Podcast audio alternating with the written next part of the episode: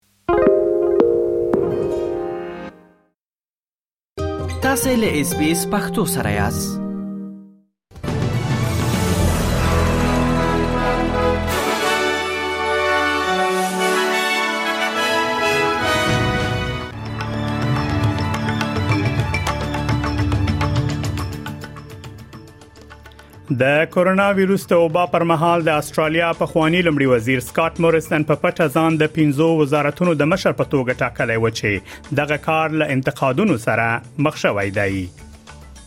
د استرالیا د کورونی چارو په خوانی وزیر له خغلی سکاټ موریسن څخه غوښتنه کړې ترڅو په پارلمان کې له خپلې څوکۍ څخه استعفا ورکړي په افغانستان کې سیلابونه یو ځل بیا خلکو ته ډیر زیانونه اړولې دي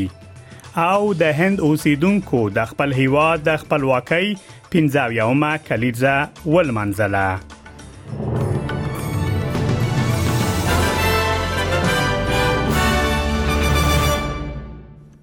اوس هم پام وکړئ بشپړ خبرونو ته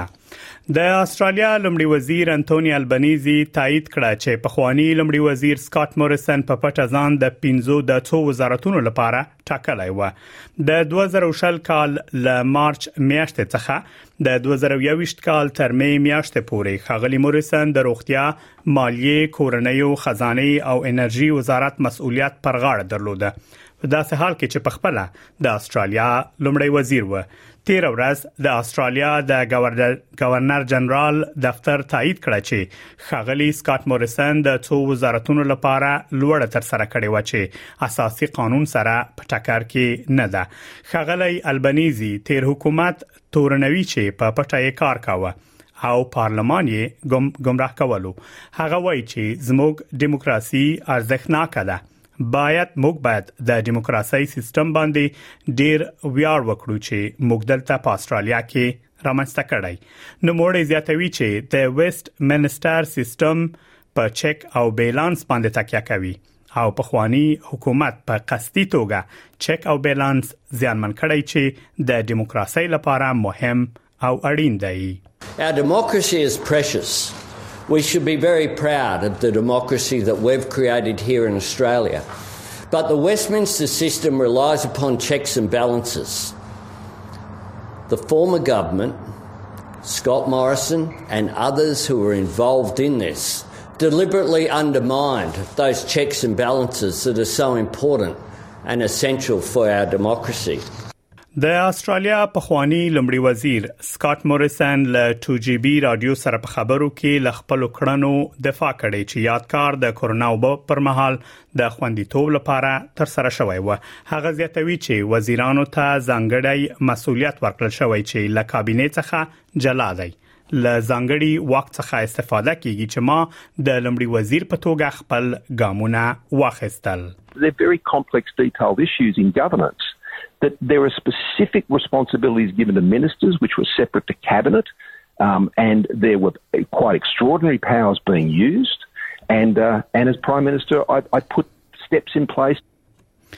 په همدې حال کې د استرالیا د کورونی چارو په خوانی وزیر کرن انډریوز له خاغلی سکاټ موریسن څخه غوښتنه کړې ترڅو په پارلمان کې له خپل څوکۍ څخه استعفا ورکړي د اپوزيسیون مشر پیټر ډټن بیا وایي چې د استرالیا لمړی وزیر انټونی البنيزي دغه مسله ډیره مهمه خي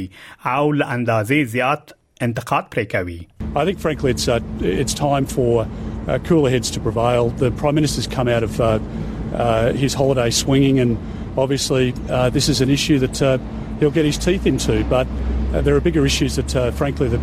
families of Australia are dealing with at the moment. So Prime Minister has rolled his sleeves up on this, and he sees political advantage. But at the time that he's concentrating on this, he's not explaining to the Australian public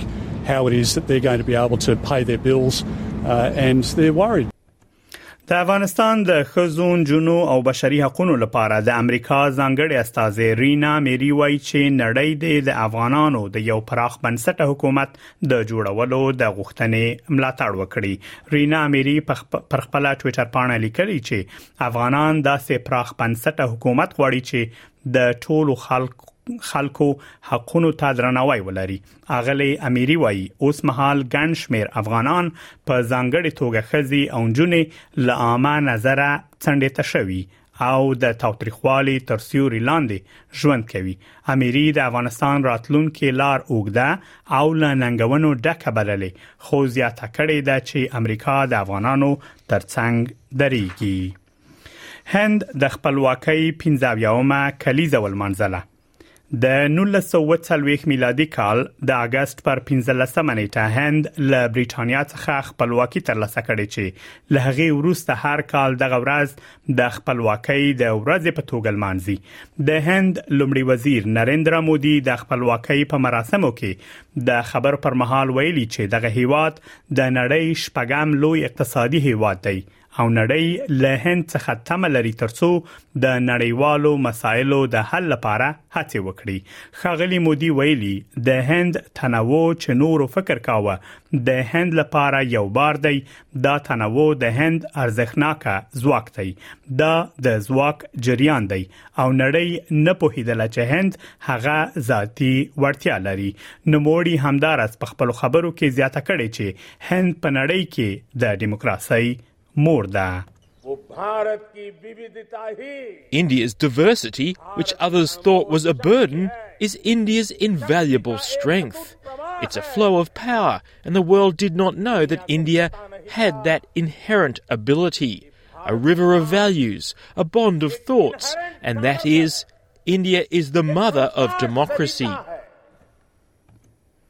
په افغانستان کې سیلابونو یو ځل بیا خلکو ته ډیر زیانونه اړولې دي راپورونه ښیي چې په افغانستان کې د ورستیو سیلابونو لامل یو دیش کسانو خپل ژوند له لاسه ورکړی او لسلو زیات کسان لا درکه دي د افغانستان په شمال کې د سختو بارانونو لامل سیلابونه راوتلي او تر ټولو زیات زیان یې په پروان ولایت کې خلکو ته اړولای دی د دغه ولایت د طبيعي پیښو پر وړاندې د مبارزې رئیس مولوي عبدالعظیم افضلی وایي په وژل شویو کې 29 تنه د دغه ولایت اوسیدونکو دي دا په داسې حال کې ده چې تر دې وړاندې په جولای میاشت کې شاوخوا 40 کسانو خپل ژوند په افغانستان کې له لاسه ورکړی و په سودان کې هم د موسمي بارانونو لامل سیلابونه راوتلي او له 500 زیات کسان یې وژلي دي مسؤلین وایي چې سیلابونو له 8000 څخه زیات کورونه وبولاندې کړې دي د ابوبکر الشیخ پنوم یو بزګر وایي چې سیلابونو زیات شمیر خلک ناروغ کړي هم دي هغه وایي چې تیر کال هم ورته سیلابونه راغلي و چې ټوله کروندې لمنځه وړي وي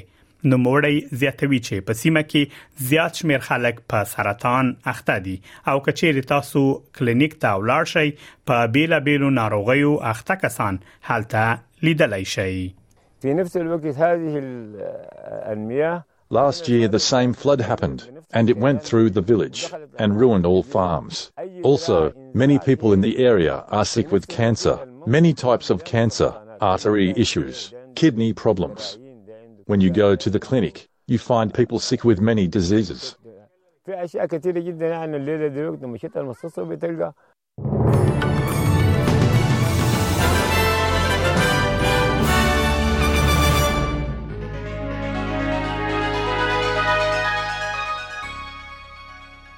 اوس هم پام وکړئ د هوا حالاتو ته په سیدنی کې نیمه ورځ د تودوخې لوړه درجه 19 په ملبورن کې باران د تودوخې لوړه درجه 15 په برزبن کې ډیری لمر د تودوخې لوړه درجه 22 په پرت ښار کې باران د تودوخې لوړه درجه 10 په اجلیټ کې نیمه ورځ د تودوخې درجه 14 په داروین کې لمر د تودوخې لوړه درجه 3 په کانبرا کې نیمه ورځ د تودوخې لوړه درجه 14 په نیوکاسل ښار کې نیمه ورځ د تودوخې لوړه درجه 19 او له استرالیا څخه بهر په کابل کې وریز د باران امکان هم شته د تودوخې لوړه درجه 28 او ټیټه 13 په پیښور کې وریز او باران د تودوخې لوړه درجه 12 او ټیټه